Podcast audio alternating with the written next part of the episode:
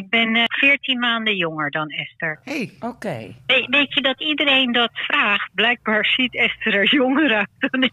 Ja, die gaat niet de deur uit zonder, eh, zonder eh, make-upje hoor. We gaan terug naar de jaren 80. De verloren generatie. De niksers worden volwassen. De bom kan elk moment vallen. Iedereen had raar haar en te grote schoudervullingen. En we hadden de Dolly Dots. Hoe was het om een Dot te zijn? Wat gebeurde er achter de schermen? En hoe gingen ze daarmee om? Dames en heren, welkom bij de Dotscast.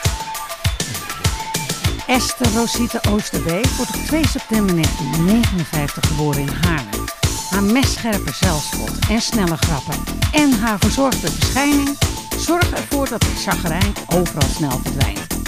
Ze heeft veel voor haar kiezer gekregen, maar ze staat altijd vrolijk in het leven. Dames en heren, Esther Oosterbeek.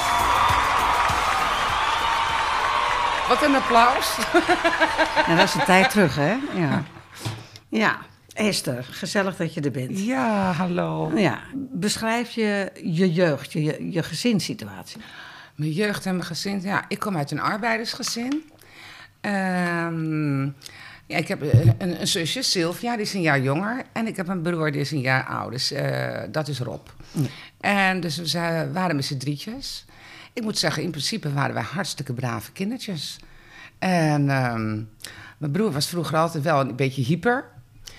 Eh, en jij bent de tweede, ik ben, ik ben de middelste, ja. Ja, de middelste. En, eh, ja, en ik had Sil altijd aan mijn rok hangen op een of andere manier. Ik moest, ik, was- maar een jaar, maar ik moest altijd de oudste en de wijste zijn.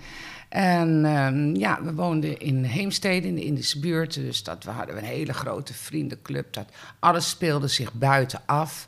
Dus we waren eigenlijk altijd buiten. En ehm, in, de, eh, in de zomer, als het seizoen inging, zaten we al iedere dag in het zwembad. En ja, dus er was wel een hele leuke...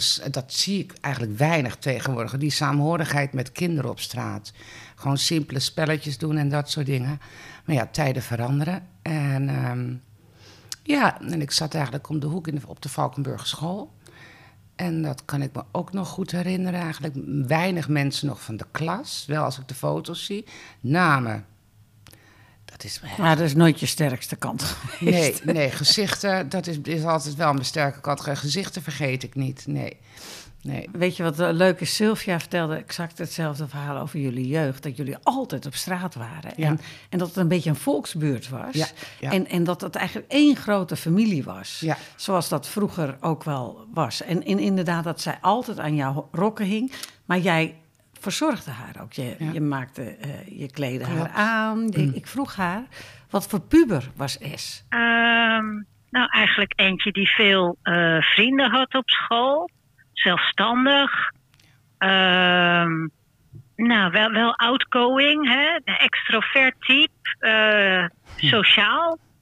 Ehm, had eigenlijk als kind al eh, wensen die in die richting gingen hoor. Ze wilde iets met mode gaan doen. Of ehm, dat zag je ook aan haar manier van spelen. hè. Dan gingen Barbie-poppen die gingen het podium op. eh, met verkleedpartijen. Daar zat ik dan naar te kijken. Eh, dus Esther gaf al theatershows eigenlijk. Waar ik naar keek als klein kind. En zij speelde dan een scène af op bed met al haar Barbie-poppen. Dus dat had ze eigenlijk al heel jong. Ja. Dus het zat er al in. Ja, ja, en ik zat er natuurlijk helemaal gek te maken, want zij was mijn kleine zusje, dus ik ging dan commanderen. En dan hadden wij eh, met Sinterklaas allebei zo'n looppop met lang haar gehad. En dan, ja, dan zei ik gewoon van, nou, er moet verschil zijn. Dus ik zeg, jij, dat haar is knippen van jouw pop. en ze dat hele mooie lange haar gewoon afgeknipt van die Vuilsecreet. het was gewoon niet om aan te zien. Het was eigenlijk zo zielig. Want, maar ja, ze maakte er voor haar gevoel wel een heel kunstwerk van. Zo, zo waren wij eigenlijk altijd bezig. En dat was ook altijd wat ze zegt. Esje was altijd, je wilt, ik wilde altijd alles zelf doen. Zo snel mogelijk, alles zelf doen. Dat zij de veters nog niet kon strikken van de schoenen, dat moest ik dan voor haar doen. Ik was eigenlijk een beetje het moedertje voor Sil. Ja, dat zegt ze ook. Ja, Ja. En was dat ook nodig? helemaal niet. Nee. Maar ik speelde graag moedertje. Ja. Ja, ik moest het toch op sleeptouw nemen. Dan moest iemand de baas zijn, natuurlijk. Dus die rol nam ik voor mij. Ja, Ja. En, en ze vertelde dus dat jij, eh, ja, je was gewoon het stralende middelpunt eigenlijk met het dansen. En daar is het voor jou ook begonnen met de Dolly Ja. Dots natuurlijk. Ja, ik kwam dus in het ballet bij Lydia van Woning terecht. Ik vond het natuurlijk, ik weet nog, eh Meisje in de Straat, die had het maar over. Die ging dan iedere week, eh Yvonne Bakker, die ging iedere week ging ze naar eh jazzballet. En nou, dat vond ik wel wat. Dan zat ze te vertellen dat ze optrad. Ik denk, oh, wat leuk. En ik wil dat ook een keertje zien. Dus toen ben ik eigenlijk op dat jazzballet gegaan. Het was, werd toen in Schalkwijk, waar Angela vandaan komt, ehm, gegeven. En ja, al heel snel kwam ik in de workshop terecht. Waarschijnlijk, ja, dat ik toch altijd... eh, ik sloofde me wel uit. Ik zorgde wel dat de kop viel. Je kwam al rinkelend binnen Ja. natuurlijk met al die oorbellen Ah. en die kettingen en die armbanden en die... Mijn god, wat je allemaal nog meer om je heen hangt. Ja, Ja. Maar ik heb wel eens eerder gezegd, als ik geen keuze kon maken, dan dacht ik, nou, dan alles maar om. Zo heb ik je leren kennen. Ja, ja. Maar ja, nu is less is more, hè, als je ouder wordt. Ja, zo is het ook. Ja. Ehm, bij Lydia van Woning trad je, ik denk dat je 16 was, dat je al optrad. 15. 15, en Ja. samen met Ja. misschien ook wel Shale al. Ja, ja, Sheila, die zat er. Katie kwam ietsje later erbij. Maar met Sheila, die zat al eh, eh, eigenlijk een beetje dezelfde periode. Ja. Dus eigenlijk, eh, ja, en dat ging dan vroeger, moest de toestemming van aan je ouders gevraagd worden. Je was natuurlijk minderjarig. Maar ja, dan ging je op pad hoor. En eh, met de vrees, meest vreselijke kostuums aan. Je liep gewoon half in je blote billen. En met zo'n pluim op je kont. Maar ik vond het geweldig. Met haarstukken en pruiken, ja, dat was toch mijn ding. Ja. Uiteindelijk ben ik daar toch weer in terechtgekomen in, dat- in dat werk. Jullie hebben wel eens de can-can gedanst eh, bij, eh, wat was het, mariniers of soldaten? Ja, dat was voor het leger. En ja, ik, oh, dat was mijn verhaal met die Sheila. Nou, je hele snelle verkleedpartijen tussendoor. Dus van het ene kostuum moest je het andere. En we hadden, moesten de kankan, dus die rokken moest aan. En dan heb je zo'n grote ka- ka- Kanten- kanten onderbroek. Er zat natuurlijk wel zo'n gaatjes, weet je, zo'n net panty onder. Maar ja, met, je had geen slip aan. En, en wij staan daar met die rokken te zwaaien en die benen in de lucht. En we denken, en iedereen juichen, al die gasten juichen, juichen, juichen. En ik denk, nou, we hebben succes, hè? Dat is makkie. Nou, ja, toen bleek dus dat Sheila vergeten was die kanten onderbroek aan te trekken. En die stond heel leuk met de benen in de lucht te zwaaien. Succes verzekerd, geloof mij nou maar. En jullie waren dus 16 of zo. Ja, we waren heel jong. Ja, ja, ja. ja. Ja, dus en, en jullie traden op. Jullie deden mee aan modeshows voor, ik weet nog wel, de man van Patricia Pai, Joey ja, Fresco. Joey, Joey Fresco. In Düsseldorf ging ik met Sheila samen daar naartoe. En ehm, op rolschaatsen, dansende modeshow was dat. En dan daar gingen we ook gewoon die hele beurs af met onze act. Met z'n tweeën, die we zelf bedacht hadden. Het sloeg nergens op, maar ja, we moesten de kleding showen. En in, in de stand en daardoor. En dan, ja, dat, dat deed je dan gewoon. Het was ook heel leuk om te doen toen de tijd. Ja, en vertel eens even jouw herinnering. Hoe is het begonnen met de Dolly Dots? Hoe, wat, er waren audities bij Ja, Lydia nou, van Ik kan me nog goed herinneren dat wij eh, opnames hadden van nou ja, eh, voormalige Trost op Feit, dat werd later Rock. Nee, Rock Planet was dat eerst. En daarna eh, werd de titel veranderd naar ehm Trost op 50. En er stond, ik zal nooit vergeten, Peter van Asten en Richard Dubois, twee van die types in zo'n Afghaanse jas. met z'n tweetjes. De patchouli eh roken kwam er nog net niet van af, maar die stonden daar als twee popies. Zo, dan denk ik, wat zijn, wie zijn die gasten? Wie zijn dat? En die begonnen met Angela te praten. En nou, toen kwam het een beetje uit dat ze dus een, een groepje wilden formeren, een meidengroep, dit en dat. En eh, dus ging een beetje met Sheila babbelen. Spraken ze ook nog even met, mij, ik weet ook niet meer waarom. Maar ja, we waren natuurlijk het gezicht van die Trost op 50. En ze dachten, nou, dat zijn danseressen. Ja, toen, ik weet nog, ze zeiden, kun je zingen? Ik zeg, weet ik niet. ik had, ik had eh, eh, ooit in de kerkkoor gezeten. Nou ja, dat was ook niet echt spectaculair. Maar in ieder geval, er werd, daarna kwam er een auditie op de dansschool. Dus Lydia zegt, ja, eh, jullie moeten ook komen, want ze vinden jullie ook leuk en dit, dat. En uiteindelijk kregen we een uitnodiging voor de studie eh, om met, met een bandje. We kregen een bandje en een uitnodiging om naar de studio in Zwanenburg te komen.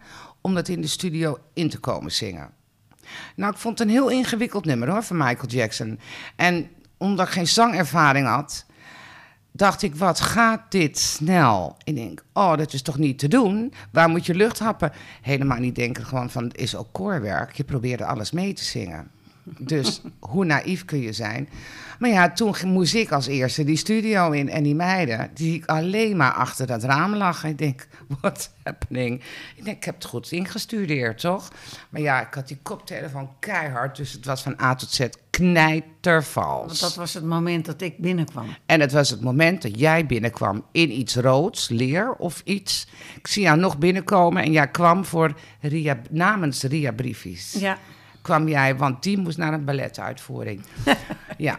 En toen dacht ik nog, nou, wat doe jij hier? Ja, ik heb een eigen band. Ik denk, nou, wat doe jij nou hier dan? En uh, het was, uh, kwam een beetje dubieus bij ons over, laat ik het zo zeggen. Oh ja. En toen stonden wij op een gegeven moment, waren we klaar. Bij, nou ja, er werd niks gezegd. het was zoiets van, u hoort nog van ons. En wij stonden bij de bushalte. Toen hadden we iets van, nou, als een van ons niet gekozen wordt, dan gaan we niet. Want we waren natuurlijk al een heel hecht vriendinnenclubje. Want we dachten, het is iets eenmaligs, lekker belangrijk. En uh, zat, ik zat natuurlijk ook al, wacht even, ik was diezelfde periode ook al gevraagd door Peter Koelewijn voor de groep Beep. Kijk eens aan, Ja. dat wist ik niet. Ja, dus daar was ik eigenlijk al mee in gesprek geweest. Maar ja, tussen twee van die lange blonde vrouwen staan, ja, dat zag ik eigenlijk ook niet zo. En het was niet zo mijn ding. Dus toen ik uitgenodigd werd om in de dots te komen, in eerste instantie, had ik iets van, nou, de keuze is snel gemaakt. En toen, En je had natuurlijk al geplaybacked als de windsurfers. ja, ja Surfing, ik had in de groep de, we, eh, de service gezeten. Ja, we slaan een stukje over. Maar ja, het maakt niet uit. Daarvoor heb ik in, bij de service gezeten. En ik was een van de breedbedkikkertjes bij Herman Brood. Ja, met. Angela. Ja, precies. In dat Ja. niets verhullende pakje. In dat niets verhullende pakje, ja. Ja. En Maar- ja, bij de service was het ook leuk. Ja. Maar dat was playback. Want dat werd natuurlijk door toen de tijd studiozangeressen ingezongen. En dat moest natuurlijk gepromoot worden in Duitsland, overal. Dus ja, eh, en er moest eh, leuk gedanst worden.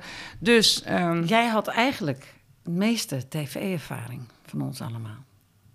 uiteindelijk wel. Wel, Ja, ja. uiteindelijk wel. Ik denk dat... eh, dat, dat eh, want jij vertelde ons ook eens een keer dat je in het begin bij de Dolly Dots vonden ze je te donker. Nee, ja, daar wou ik nog naartoe. Dus ik was voor de dots gevraagd. En toen kwam ineens Lydia van Woning. Ze zei, ja, ik heb een gesprek gehad. En ehm, ja, eh, ze vinden het een beetje moeilijk. Want ja, het moet een groep van vijf eh, worden. Maar ja, ze konden geen keuze maken. Maar ze zitten er ook een beetje mee dat jij te donker bent voor de groep. Nou, nou, Dat was eigenlijk schandalig. dat je. Ik had toen iets van. Oké, weet je, ik zag het nog niet eens zo als discriminatie. Later is dat natuurlijk wel ge- zo geweest. En misschien ook omdat mensen ook heel naïef waren. Ik weet niet of dat. eh, ze waren bang dat dan de groep niet zou scoren, omdat er een hele donkere tussen zit. En toen hadden ze eigenlijk de Een hele donkere. Je bent kwart Indisch. Ja, maar dat was toen de tijd. Luister, ik ben ook opgegroeid in Heemstede, waar wij een vreemde etende bijt waren. Ze konden ons niet plaatsen. Zo'n Indonesisch gezinnetje wat daar woont. Wij waren die zigeuners. Hmm. En als er wat mis was in de buurt, of er was iets weg in de buurt, dan hadden wij het gedaan. Tja. Zo ging dat Terwijl vroeger. je vader was knil. Was Ja. Een knilman, toch? Ja. Ja. En je moeder in, eh, echt Indonesisch. Ja. Eh, halfbloed. Ook half ja, ja. ja. ik kom uit een eh, lange generatie waar halfbloed in zit. Ja. En pas iets veel verder terug zijn volbloed. En, en dat eh, extravagante van jou, dat heb je van oma. Ik had een hele bijzondere oma. Oh, wat was leuk. Jetje. Ik had een hele bijzondere oma. Oma die, ja, die had natu heeft natuurlijk in, in het Jappenkamp gezeten. Die heeft van alles meegemaakt in die oorlog. Die is met de kinderen op de boot naar Nederland gekomen. En ehm, zonder haar man, want die bleef daar. Om zijn eh, pensioen eh, tot om zijn tijd vol te maken om voor zijn pensioen. En die heeft ze uiteindelijk nooit meer gezien, want die is vermoord. Dus oma had best een tik eh, van de molen aan overgehouden. prettig gestoord. Zo. Maar ze was super leuk om als oma te hebben. Maar ze was Want grappig. ze, het was echt een, eh, een jongen, mijn oma. Ja, ja. Ja, daar lijk je op. Lichtelijk god, eh, gokverslaafd, tenminste lichtelijk. Ja, Dan ging ze met tante Pop op stap en ik ging, mocht stiekem mee. Ik vond dat als kind natuurlijk super spannend om in zo'n casino te komen. En ehm, dan werd ik als kind, op, als kleuter op de bar gezet en de obers moesten op me letten. Dus ik kreeg de ene sorbet naar de ander en ik zag mijn oma aan de goktafel zitten met die, met die handjes, met die ringetjes erom. Dat intrigeerde mij natuurlijk ook, want ik, ik, ja, ik ben net een kraai. Dus mijn oma met al die ringen, dat was natuurlijk eh, wel een dingetje voor mij. Zo wilde ik ook worden. Weet je nog dat ze een keer is opgepakt omdat ze in een vrachtwagen aan het gokken was? Nee, nee, nee, dat zat even anders. Dat was in Rotterdam aan een of andere kade. Het heeft zelfs nog in de Telegraaf gestaan. Oh, wat was het een type. En die was eh, illegaal aan het gokken. En ze zegt, Adoe es. Ik was de vertrouweling in de familie. hè. Ze zegt, Adoe es. Ik- Wat denk jij? Er staan ineens allemaal auto's voor de deur. Ik moest mee met de politie. En ik was blij. Ik had mijn haar gedaan en een avondtoilet aan, want ik moest op de foto. Helemaal niet het besef dat ze gewoon in het archief staat. Oh, gewoon. En, eh, ja, dat was een Misschien, ja, dat soort dingen was Ja. mijn oma. En altijd met tante Pop op stap. En het waren net twee stoute meisjes. Ja. Ja. En het was altijd gezellig bij oma. Oma hield ook altijd de familie bijeen. Hè? Dus als er een verjaardag was, dan kwam iedereen bijeen. En of de een nou ruzie had met de ander, dat zat allemaal bij elkaar.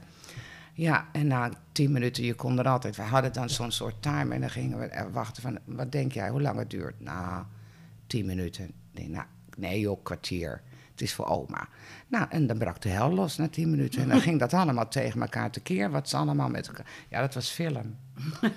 Ik weet nog dat Patty ooit tegen mij zei... mag ik alsjeblieft nog een keer mee naar die verjaardag van je oma? Want dan bleef oma op die piano, piano spelen... en die riep dan alleen maar, keek soms en zei... Adoe, vrede op, vrede op aarde, ja? en dan ging ze weer doorzingen. Mijn oma was namelijk een jazzpianiste. Dus die was altijd met muziek bezig. Ja, je lijkt op haar. Je lijkt gewoon op haar. Ik heb haar natuurlijk niet zo goed gekend, maar eh, eh, ik- als ik kijk naar jullie hele familie, dan lijk jij op oma. Nou ja, ik heb wat trekken van oma. Die zie ik zelf nu ook wel terug. Dat ik met zo'n tas op schoot zit in de auto. Denk ik, ben net, ik ben net jetje. Ik wil met jou nog even terug naar die, Ja. naar die dots. Hè. Dus Ja. toen kwam je in de dots en jullie zeiden, eh, nou, eh, we gaan alleen maar als we met z'n vieren gaan. En eh, Ja, daar waren we. daar waren jullie. En, en ik wilde gewoon dat Ria in die groep kwam. Want Ria had er zin in, maar ze was gewoon een afspraak vergeten. En ik moest optreden ergens. Dus vandaar Oh, dus dat die hele dansdinges was helemaal was gewoon een, een fake verhaal. er- Nee, dat was echt. Oh, oké. Maar ze was gewoon vergeten dat ze een dubbele afspraak had. Mhm. En nou ja, en, en wij hadden ook zoiets van, nou, als we het doen, doen we het wel met z'n tweeën. Ja. Weet je wel. En eh, ik weet het ook nog. En na die, ehm, hoe heb je die begintijd eh, beleefd? Want ik heb het idee dat jij dacht, nou, weer zo'n leuk avontuur van een jaartje. Ja, omdat ik, in, eh, dat was toen hè, heel vaak van die eendagsvliegen had je. En eh, ik nam het ook niet zo serieus. Ik denk, nou, eh, een jaartje lol. En we zien wel. En daarom hadden wij ook iets naar elkaar toe. Nou, we dan maar met z'n vieren. En als er iemand afvalt, dan maar niet, weet je. En, ja, en uiteindelijk werden we gekozen. Uit. En weet je, nou, dat heen en weer gedoe, of het te donker was of niet. Uiteindelijk werd het de groep van zes, omdat ze geen beslissing konden maken. En ik was wel handig voor eh, de Duitse markt, hè. Want daar hielden ze wel van donker, snap je? Dus daar is natuurlijk in die tijd best over nagedacht... waarom ik er uiteindelijk wel in zat. Ja, En, maar. Ja, en, ehm, dus, ja, en toen hebben we jullie daarna pas bij WEA ontmoet, de platenmaatschappij. Ja, wij hadden elkaar in die studio. Ja. Even, ik, Even- nog ik kon mijn ontmoet. ogen niet van jou afhouden, want jij was een soort kerstboom. Ik had nog nooit zo iemand Ik kwam als een kerstboom bij jou over, hè? Ja, Ik, ik had nog nooit iemand met zulke grote oorbellen gezien en veel. Het was, en je was het lachen en grappig was je. En, en je had allemaal rinkelende dingen om en heel veel kleuren aan. En, en, en dat kwetterde en dat... dat en je, je was het lachen om jezelf. En je, het was, dus dat vergeet ik, ik weet dat nog precies. en je had een Ja. walm van, van, van hele dure parfum om je heen. En, Ja, eh, daar was ik ook wel gek op. Een lekker Ja. parfumetje. Nog steeds Ja. trouwens. Maar toen zagen we elkaar daarna bij WEA. Toen was Ria voor de eerste keer ook. Oh, oh, oh. Wat. Ik weet nog die lange tafel en Volgens mij kwam Maria als laatste binnen, of kwamen jullie nou En met z'n kwamen tweeën? samen. Ja. Ja, en er kwam iemand binnen en ik, ik kon mijn ogen niet van de afhouden met dat afro-kapsel. met die rode roos erin en zo'n zwart glanzend sortiment van discopak. Want dat Oh ja? had je niet tijd, dat zwarte glanzende. Die broeken met zo'n disco blouse, wat, wat was het? Maar, en dan zat ze aan tafel en wij keken elkaar aan, want ze zat naar iedereen te klip, knipogen en te lachen. Dus wij hadden gelijk iets, we zaten te schoppen. Een lesbienne. Ma- Maakt verder ook niet uit natuurlijk, maar dat, ja, die indruk kreeg ik van haar en de rest ook. Dus wij hebben er nou nog vreselijk om gelachen. Maar ja, dat is Ria nog steeds aan voeten uit, want die, eh, die lach van haar, nou ja, die, die kennen we natuurlijk van haar. En dat, zeker op dat afscheidsconcert was het ook weer Ria ten top, die, met dat genieten, met die lach van haar. Ja, eh, zo kwam ze altijd bij iedereen over. Heel vriendelijk lach. eh, ja, eh, Het was echt. het was echt, ja, klopt. Was dat was echt. Ria. Ja. Dat Zo eerste- blijft ze ook altijd in mijn geheugen. Hoor. Ja, ja, zeker. Ja. zeker. Prachtig. Ja. Die, die eerste periode van de Dolly Dots, hoe heb jij die beleefd? Want het was wel, we zaten wel in één keer ontplofte het. Nou, wij En we zaten die- altijd in ja. het buitenland. En Ja, ja, maar het was van huis uit, zeker bij die eerste single, meteen hectisch. Dat kan ik. En toch vond ik het iedere dag leuk. En hard werken, daar zaten we toch helemaal niet mee. Het was gewoon, ik vond iedere dag een feestje. En ehm, dus eh, ja, al die, eh, die drukte eromheen. Of we zaten of in de studio of in, op de balletschool choreografieën te doen. Of in een radiostudio of in een tv-studio. Het was, er was iedere dag wel Of iets. in een vliegtuig. Of in een vliegtuig, of in de auto. En eh, wat ik wel heel goed vond, en dat is dan ook de combinatie die we hadden. We, we hadden jullie waren eerst voor ons vreemde eend in de bijt. Hè? Jullie hadden, hadden veel meer ervaring met muziek, maar zo hebben we wel van elkaar geleerd. Ja, jij had weer ervaring met al die tv's. Ja, Ja. en we hebben enorm veel van, eh, van elkaar geleerd. En ik denk dat Ria degene is geweest die zich het meest aan de groep heeft moeten aanpassen. Want Ria komt natuurlijk uit het, ja, je komt uit Noord-Holland, maar ja, toch van een heel ander eh, levenservaring die Ria had. Ria, die, die kwam toch uit, uit een dorp Die kwam uit Lutjebroek. uit Lutjebroek, eh, met alle respect. Maar Ria, die had toch wel moeite. Zij zag ons als die stadse wij- eh, door, door, doorgewinterde wijven. Van die stadse nufjes. Ja, ja, ja. En ik zie Ria in het begin nog heel braaf zitten als we in de kleedkamer zaten en we hadden tijd over. Dan pakte zij een boek. En wij zaten alleen maar te dollen en Te eh, lachen. en te lachen. En dus Ria, ik vind het knap hoe ze zich daar doorheen heeft geworsteld en zich een enorm aanpassingsvermogen heeft gehad daarin, absoluut. Maar in die tijd, ja, we waren hartstikke druk. Ik vond het enig allemaal. En op een gegeven moment, sorry, ga je beseffen hoe serieus het en hoe leuk het ineens allemaal werd. Dat jij doorduwde dat we live, alleen maar live zouden optreden. Omdat iedereen zei dat het... Oh, de Dolly Dots kunnen niet zingen. Nee, en dat was... nee. Ja, we begonnen ook met vier meisjes die van een balletschool kwamen. Ja. En dat zijn danseressen. Ja, en, maar wij hebben natuurlijk vanaf dag één Hm. elkaar heel veel geleerd. Ja. Hè? Dus eh, We hebben iedere dag gerepeteerd. iedere dag nog? gerepeteerd. En voor dat live optreden, dat was pas na een jaar of zo. Wij gingen pas na een jaar de bühne op. Ja. En het was ergens in Zuid-Holland, in de Ja, buurt van ergens, eh, Noordwijk. Ja, ja, ja. En ehm, En, en de recensie was zeven gillende keukenmeiden die jammerend... eh, Nee, zeven van de MAVO getrokken gillende keukenmeiden die jammerend afgingen.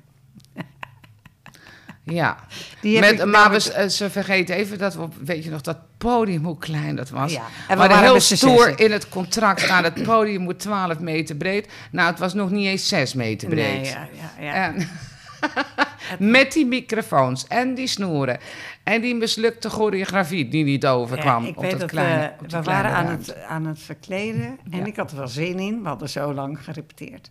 En we horen iemand zeggen één minuut en Patty pakt me vast zegt ze... Dat kan niet! Het kan niet! Het kan niet! ik zeg, we gaan gewoon. Maar zij was tot in, tot op het bot gespannen. Ja. Maar ja, het was zo leuk. Het was, ja, ja joh. Ik weet het ook nog. Maar ja, weet je, het is zo makkelijk om de boel af te kraken. Nou, maar ik vond dat we heel dapper waren. We hebben live, alles altijd live gedaan. Nooit koortjes. En nooit, Nooit koortjes koortjes op de bank. Nee, Nee. nooit, ook alles zelf gedaan. En toen, dan ga je ineens merken dat het serieus zaak is. Ja. Weet je, dat het geen geintje is. We En we hadden al een hit gescoord. Ja, en, en we kregen natuurlijk zo... We hebben zo lang bij elkaar Hm. dat succes meegemaakt. Dus we werden op een gegeven moment... In, ik weet, in 84, 85 waren we steengoed. Ja, Konden we echt eh, alles live. Of je nou... We hoorden nooit wat door die monitors, weet je nog? nee, dat, dat, je was met te veel. ja, en, dat was werk hoor, met die monitors. En die, en die microfoons met al die draden. Ja, Draden, allemaal zo ja kluwen. ik kan, nog, kan me nog niet voorstellen hoe goed we dat deden. Ja, ik ook niet. Het ging wel eens fout, maar Hmm, hmm. Maar ja, we traden toen elke dag wel een keer of één of twee op. We waren elke dag aan het werk. Dus dan word je wel goed. En, en je- hebt één week vrij en je bent net als een topsporter, je bent eh, de helft alweer kwijt. ja. Maar we waren toen wel goed, ja. We waren toen wel goed. Zeker als ik terug, eh, laatst op televisie was er eigenlijk zo'n eh, programma Het Beste van. En dan zie je eigenlijk, en dat ging dan eigenlijk eh, in dit geval over ons. En dan zie je al die filmpjes voorbij komen, al die hits voorbij komen.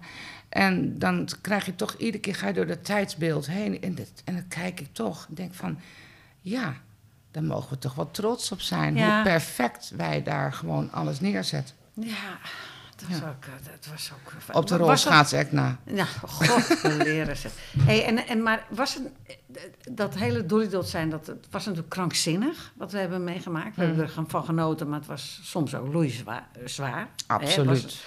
maar was dat nou iets waar je vroeger van droomde als kind? Nee, dat durfde ik niet aan te dromen. Ik weet je, je kijkt televisie, je ziet die Partridge Family, weet je. Dat programma Ja. vroeger, dit, dat. Dat in je stoutste dromen denken, dat is iets onbereikbaars voor mij. Dus ik vond het al heel wat dat ik het ver, zo ver had geschopt als danseresje die door het land o- optrad en, en, en in het buitenland. En dan ineens kwam er televisie. Nou, dat was toch wel iets van, dat, was een, dat heb ik nooit durven dromen. Absoluut niet. Het kwam allemaal achter elkaar. En het, Het ging ineens toch wel snel. En dan werd je voor het een naar het ander gevraagd. En, hey, en wat, wat trouwens, mijn zusje was ook gevraagd voor die Dolly Dots. Hè? Ja, er Ja. was niks voor haar. Nee, dat, eh, Nee. Zij, de, ze- de studie vond ze belangrijker. Ja. Weet je wat het, het zo mooi is? Wat, wat, kan je, wat kan je mij vertellen? Wat gebeurt er met je als je met ons op de bühne staat? Wat gebeurt er met jou als je opkomt? En wat gebeurt er met mij als ik opkom? Ja, ik probeerde altijd ehm, alles zo perfect mogelijk te doen. En waar ik gewoon steeds naar uitkeek op die bühne, de lol en de plezier. En dat je nog steeds dat je dan die mensen ziet staan die gewoon alles meezingen. En die adoratie en die kopietjes van ons allemaal die daar staan. Daar, dat, dat vind ik nog steeds bewonderenswaardig dat dat allemaal zo werkt. Ik heb namelijk zelf nooit een, een, een idool gehad vroeger. Hmm. Ik kan me dat niet herinneren. Ja, ik vond wel de, bijvoorbeeld wat ik zeg, eh, eh, je had posters aan de muur. Maar om nou te zeggen, ik ben zo idolaat van die groep, ik, ik spaar daar dingen van, dat heb ik nooit gehad. Misschien dat ik als, zo jong al zelf bezig was met dat soort dingen. Dat dat, dat overgeslagen is. Maar eh, ja, wat Maar wat op de bühne? Op Wat de je? ja, eh, plezier. ehm, eh, jullie om me heen. Weet je? En, en, en, en sta je daar te zingen. En iedere keer weer als je die microfoon in je handen hebt, denk je toch even van, nou, wie had dat ooit gedacht? Hmm. En dan ben je bezig met alles. En ja, ik vond het heerlijk om te doen. Ja. Om, om je te uiten op die bühne. En dat dat, dat gewaardeerd door, wordt door andere mensen. En alles zo perfect mogelijk doen, weet je. Dat is natuurlijk ook de kick als alles goed gaat. Als dingen gelijk gaan. Als er lekker gezongen wordt. Geconcentreerd bezig zijn. En dan genieten van... Oh, dat klinkt wel heel mooi nu, weet je. Je hebt wel eens dat je, dat je koortjes aan het zingen bent... en de, de ene keer klinkt het nog mooier dan de andere kant... of het gaat ook wel eens fout, dat je denkt... dat was niet zo lekker. Eh, kan aan verschillende factoren liggen natuurlijk. Geluid, whatever. Of een missertje. Ja, Dat ja. heeft ieder artiest. Ja, maar dat zijn mensen niet meer gewend, omdat alles wordt rechtgetrokken. Ja, Ja. ja. Weet je wat zo bijzonder is als je de bühne opgaat? Dan kan je de hele dag dingen aan je hoofd hebben gehad, stress, dit, dat. En dan staan we daar met z'n zes op bühne. En binnen een paar seconden ben je dat allemaal, kan je dat allemaal van je afgooien. Want dan ben je met elkaar bezig. En ik moet eerlijk zeggen, het was altijd leuk. Ja. Of het geluid nou kloten was of niet. En eh, wat het was natuurlijk vroeger best nog wel een ding. En zeker als het heel heet was in de zaal. Dan had je nog, dan had je nog die Revox-banden. Ja, en, en iedereen rookte. Ja, iedereen rookte. Ja. En, eh, dat, en, en dat was voor je stem ook niet altijd even best zo'n rookhol. En in, in die warmte dat het water af en toe langs de muren liep. En dat je dan moest stoppen met een optreden. Ja, dat is toch eigenlijk wat nostalgie, hè? Stoppen met een optreden omdat de band van de hitte begon te slepen. ja, wat een armoe. Ja, vooral in, Limburg Maar, dat, maar toch, als je dan terugdenkt, wat een lol. Ja. Want we hebben natuurlijk wel van alles meegemaakt. En weet je, dan moest je ook nog na afloop wachten op je geld. Er werd zo afgerekend. Ja. En dan ging zo'n zaalhouder maar steeds niet betalen. Om je zo lang mogelijk in die tent te houden. dat was nog ook wel een dingetje.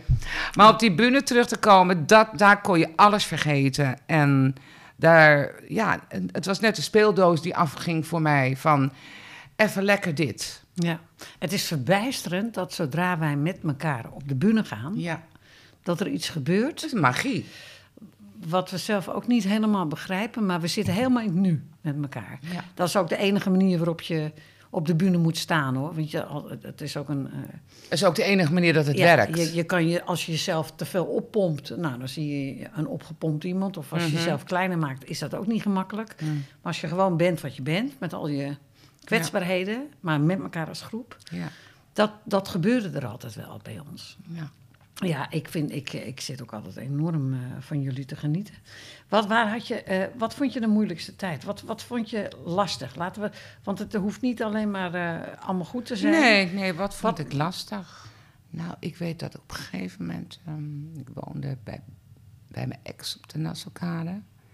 En dat ik eigenlijk toen zaten... Ik weet niet welk jaar dat was. Toen heb ik het de hele tijd niet leuk gevonden. Dan ging ik voor mezelf op de soort automatische piloot. En ik weet dat ik in die tijd ook een kort lontje had naar alles toe. Maar was dat niet eh, die tijd dat we de belasting moesten afbetalen? Want een- Ja. een manager was met geld weg. Dat was, En juist, dat was na die, werken. na die periode met Dave Katz. Ja, precies. En- Die hele affaire. ja, En toen dacht, dacht ik iets, we hebben ons de pest gewerkt. Ja. Waarvoor? ja. Alles is weg, financieel. We kunnen Ja. gewoon weer vanaf nul beginnen. ja, we zijn er lang mee bezig Nou, geweest. ja, nou ben ik wel iemand die heel makkelijk dan weer het boek dichtslaat van niet terugkijken verder. Want die instelling hebben we uiteindelijk allemaal. Ja. En ehm, dat is ook de enige manier om weer door te gaan, want terughalen viel niet. Want het was eh, een, lang, een lange story met hem, met heel veel BV's die hij die die had opgelicht. Dus dat moesten we meteen maar vergeten. Dus, en Maar dat was toen... Eh, ik werd er een heel beetje moedeloos. Het was ook negatief. Ja. Want overal waar we kwamen ehm, was er te veel gedrang. Er gingen kinderen vielen flauw. nou, dat was- zijn dingen dan, zeker na afloop van een optreden, had ik daar last van. Ja. Daar heb ik altijd al behoorlijk last van gehad hoor. Dan, ik weet niet wat er dan in mijn hoofd afspeelde. En ja, dat wordt heel vaak als arrogantie ervaren. Ik, ze, zei, ze zochten me altijd, waar is Esther, waar is Esther? Ja, die zit al in de auto.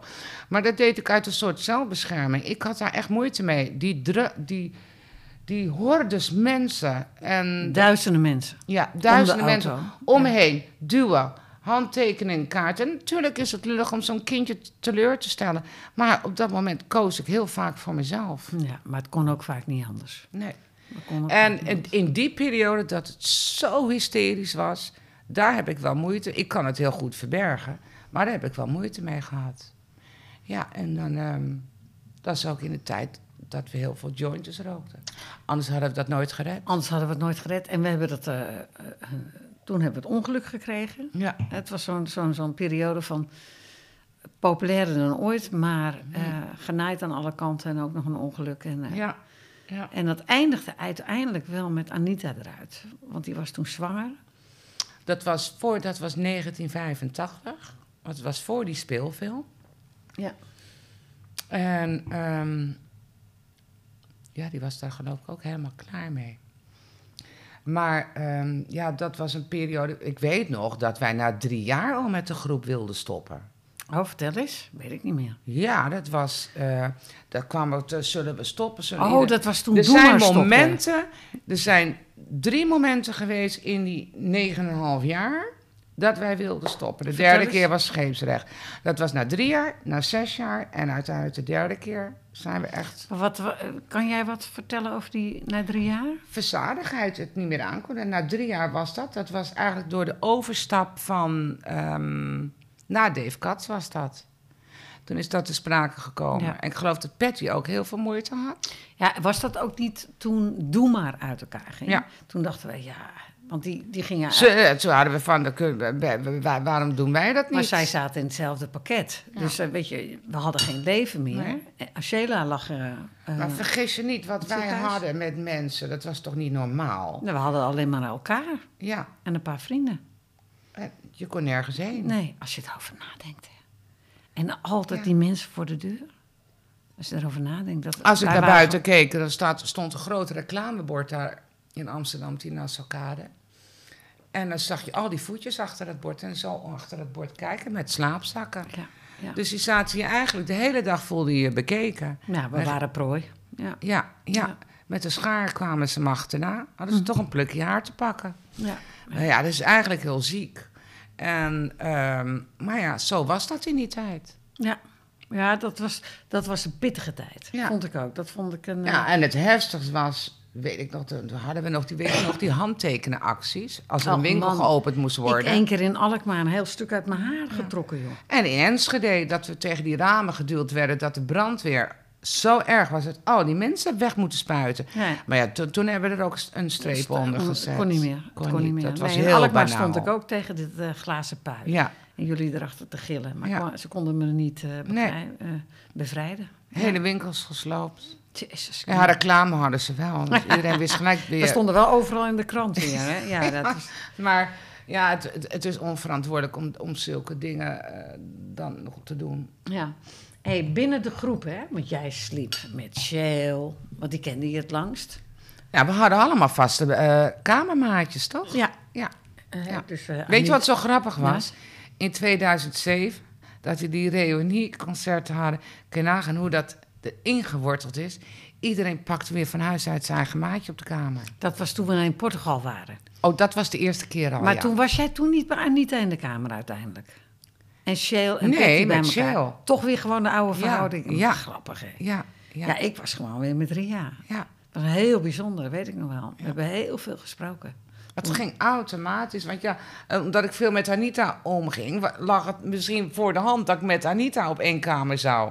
Nou, dat zou ik niet kunnen hoor, want ik zit totaal anders in elkaar dan Annie. Nee, Annie en, Annie eh, is zo Annie en chaotisch. die hadden altijd zo die, die, die, Die- puinhoop. Die hadden wel? die puinhoop, ja. Gordijnen en, dicht. En Sheila en ik op de kamer, dat was heel grappig. Als we in een hotelkamer kwamen, dan is het eerste wat Sheila... Die ging lekker helemaal chill op dat bed liggen, dat bed uitproberen.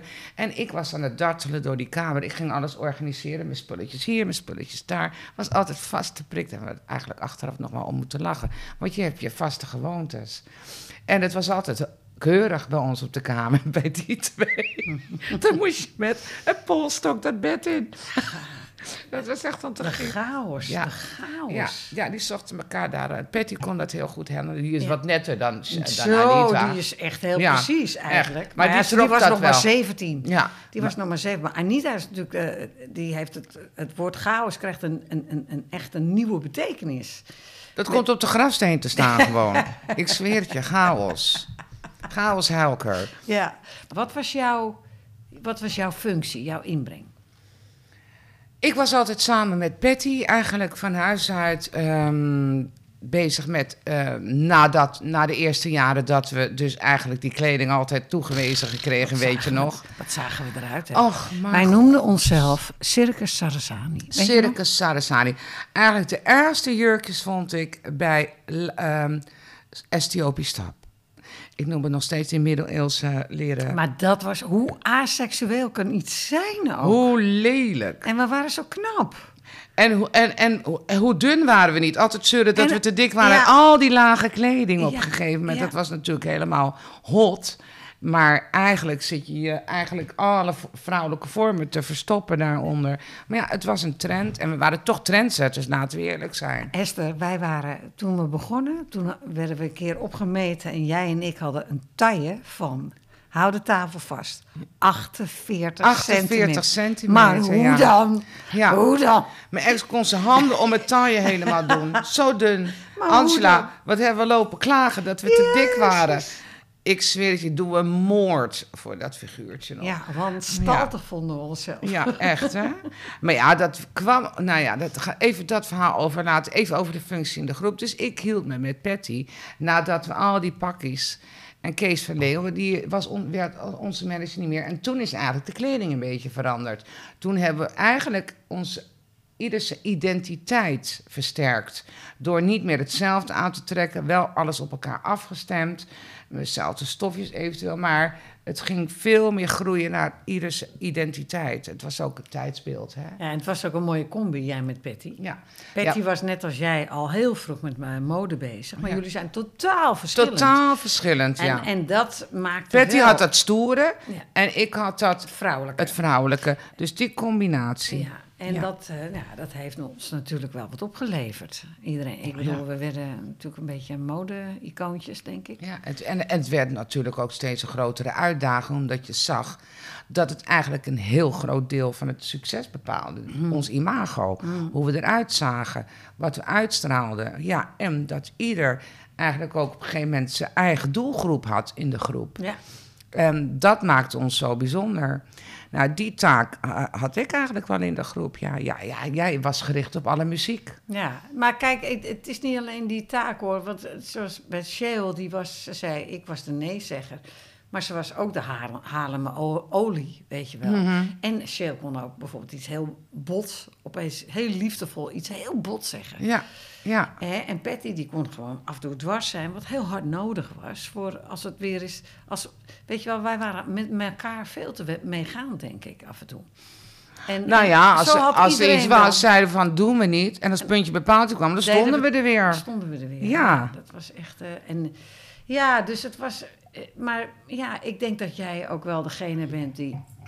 Als het. eh, eh, jij was toch wel degene die de lucht in.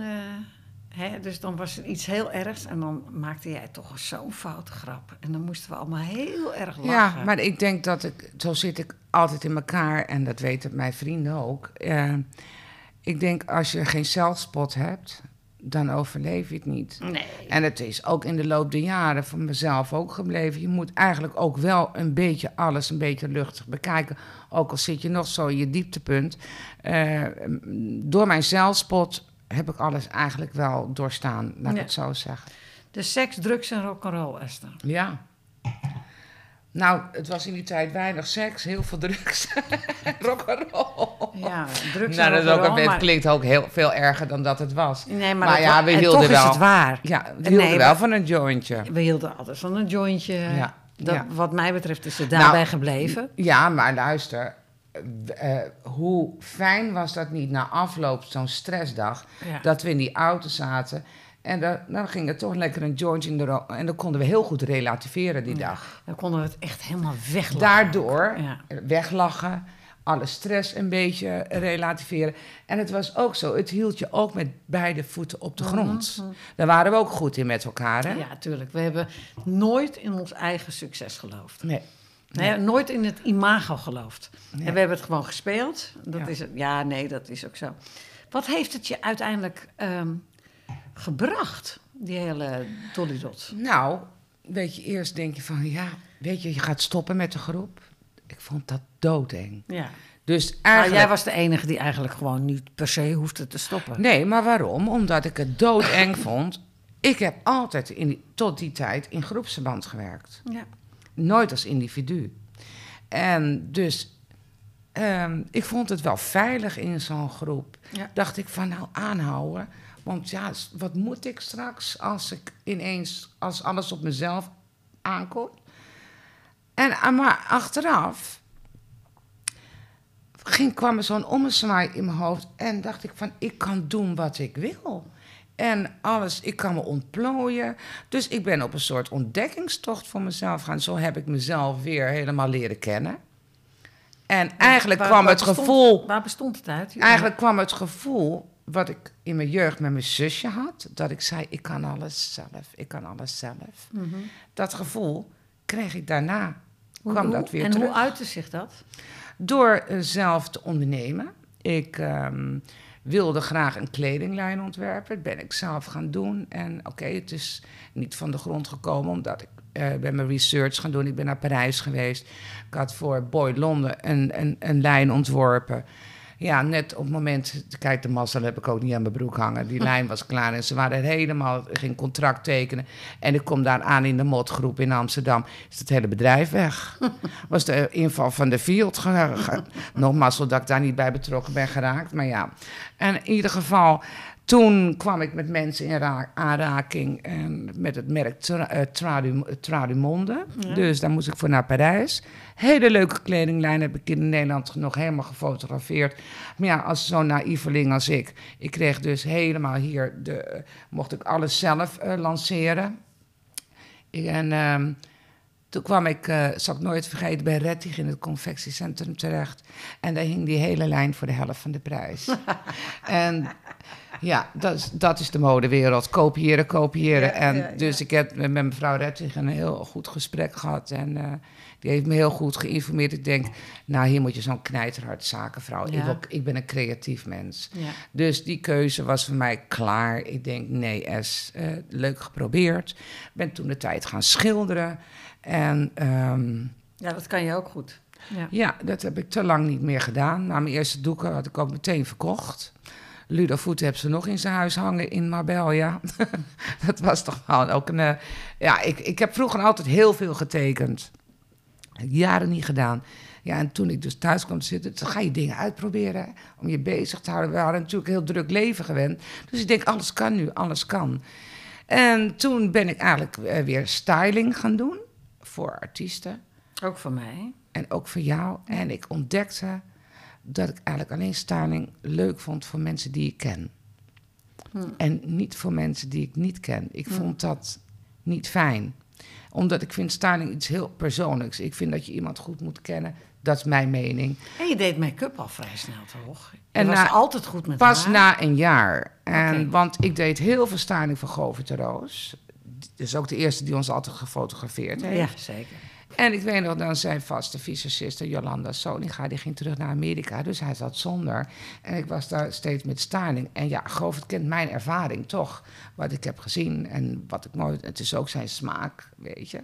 En ik heb heel goed opgelet in al die jaren, wat film, make-up, video. Dus eigenlijk, hij vroeg mij om visagie te doen en omdat... Het was natuurlijk ideaal om dat te combineren met die styling. Alleen, het, we kregen zoveel werk. Dus van de ene op de andere dag stond ik visagie te doen. Was voor hem natuurlijk ook een sprong in de diepe met mij. Maar dat was meteen Ja, succes. daar was, je- jij was er hartstikke goed in. Ik weet nog wel dat je Karin Bloemen deed in die special. Ze moest al die oude diva's worden. En dat deed jij moeiteloos. Ja, nee, dat was die film met Karin Bloemen. En dan was ik nog niet eens een jaar bezig. En zij vroeg mij mee om een film te maken. En de, de werktitel was La Bloemens Limo. Ja, en Rob, eh, mijn Rob, die Jouw Rob, heb, jouw Rob heb ik toen voor het eerst ontmoet, want die was de regisseur. En zo zijn wij eigenlijk eh, van Amsterdam naar Parijs gaan, van Parijs naar Milaan, de Mont Blanc, eh, Berlijn, Londen. Dus ik moest van haar een Dietrich maken, een, een, een, een Pavarotti. eh, Dat was echt briljant, man. Ja. Dat was fucking ja, briljant. ik, ik heb altijd met bluffen en geloven in jezelf kom je al een heel eind. Ja. Dus ik ging heel beslagen ten huis. Ik denk, oké, van haar Dietrich. Nou moet ik zeggen, nou heeft ze een heerlijk gezicht om op te maken. Karin heeft een prachtig gezicht. Dus eh, ik zorg wel dat ik goed voorbereid ben. Ik vond het ook een enorme uitdaging. En top van haar dat ze me die kans heeft gegeven. En tot de dag van vandaag werk ik nog met ja, haar. Ja, ja. Ja. het is een fantastisch mens natuurlijk. hè. Ehm, wat, vond je het een moeilijke tijd na de dood? Was het moeilijk voor je om dat gat... eh, Ja, eerste half jaar. Maar ik vind toch eigenlijk wel dat ik het toch buiten verwachting om snel heb opgepikt. Eerste jaar heb ik niks gedaan. Hè. Ik had ook eh, ehm, eigenlijk het idee van... je moet toch even weer helemaal landen. Hè? Eh, na die hele drukke periode. Ook een hoop stress geweest. En toen heb ik me ook geconcentreerd nou, op een groot huis. Want ik woonde op de Nassaukade en het was helemaal niet groot. En ineens zit je in dat huisje. Je, je- ik was nooit thuis. En ineens denk je van, ik woon hier veel te klein. Ja. Dus dat heeft ook in het eerste jaar afgespeeld, een ander huis. En ehm, een fiets, dus ik kon lekker gezond, lekker sporten, sporten, sporten, schilderen. Je stond Nou ja. in een penthouse. Had, ja, dat was aan het, eh, ja, precies ook in dat jaar. Dat is ook voorbereiding. Dat eh, realiseert niet ja. iedereen zich. Dus maar- het was sporten, in shape, ja. Je bleef jezelf al. Dat is eigenlijk de eerste, de enige periode in mijn leven dat ik mijn lijf perfect vond. Ik ken aan hoe zielig, hè, dat je dan zo denkt. ja, zo lui bent, hè? Ja, ja, Ja. maar ik ook. Ik denk, als ik nou Terwijl dag we iedere dag met beweging bezig waren. Maar Ja. ik was, als ik terugkijk, ben ik te mager daar. Ja, Maar toen vond ik mezelf perfect. Ik voelde me helemaal geweldig. ik weet nog wat ik met Sheila liep en wij liepen achter jullie kontjes aan. Patty stond in de Playboy, jij in de in de Penthouse, ja. En wij keken naar die kontjes en we keken naar elkaar. Ik zeg, ik ga het niet doen hoor, dat zeker ook niet. Maar jullie hadden hele kleine, strakke kontjes. Dat had ik, ik was, hè, wij hadden altijd wel konten. En ja, weet je nou, ik ook hoor. Maar ik heb me helemaal suf droog getraind toen Ja. der tijd. Ja, Ja. nee, en dat romige past beter bij je. Ja. Dat is ook zo hoor. Dat ben ik gewoon. Ik wil even met jou, ik heb natuurlijk ehm, even, want je bent al jaren eh, de favoriet bij een aantal eh, Nederlandse mannelijke artiesten. Hè, die, die als ze iets gaan doen, willen ze jou erbij hebben. Dus ik, eh, ik heb even gesproken met eh, Hans Klok. Ach, mijn vriendje Ik Hans. zijn natuurlijk meester in het vertellen van verhalen. Ik moet altijd heel erg om haar lachen. Ja, en het is ook wel een absolute survivor met wat zij mee heeft gemaakt in de leven. Ze is Met die hersenbloeding bijna dood geweest. En, en dan is ze, en ze krabbelt weer helemaal op. En ja, dat is gewoon eh, fantastisch. Hoe ze, ook hoe ze in het leven staat, zo positief altijd. Nou, dat, Lief. ja, dat is goed hè. Ja. Maar hij zegt ook nog dit en daar sluit ik me ook bij aan. Ja, ze is, eh, is- ik vind haar heel knap. Ze is een hele mooie verschijning. Ze is heel verzorgd. Ze staat heel positief in het leven. Ze is ook, ik, ze, kan heel, ze is heel erg oprecht. Ik denk dat je er geen ruzie mee moet krijgen, want dat kan ze denk ik ook heel fel zijn. Dat heb ik nooit met haar meegemaakt. Maar ja, dat is vrij uitgesproken.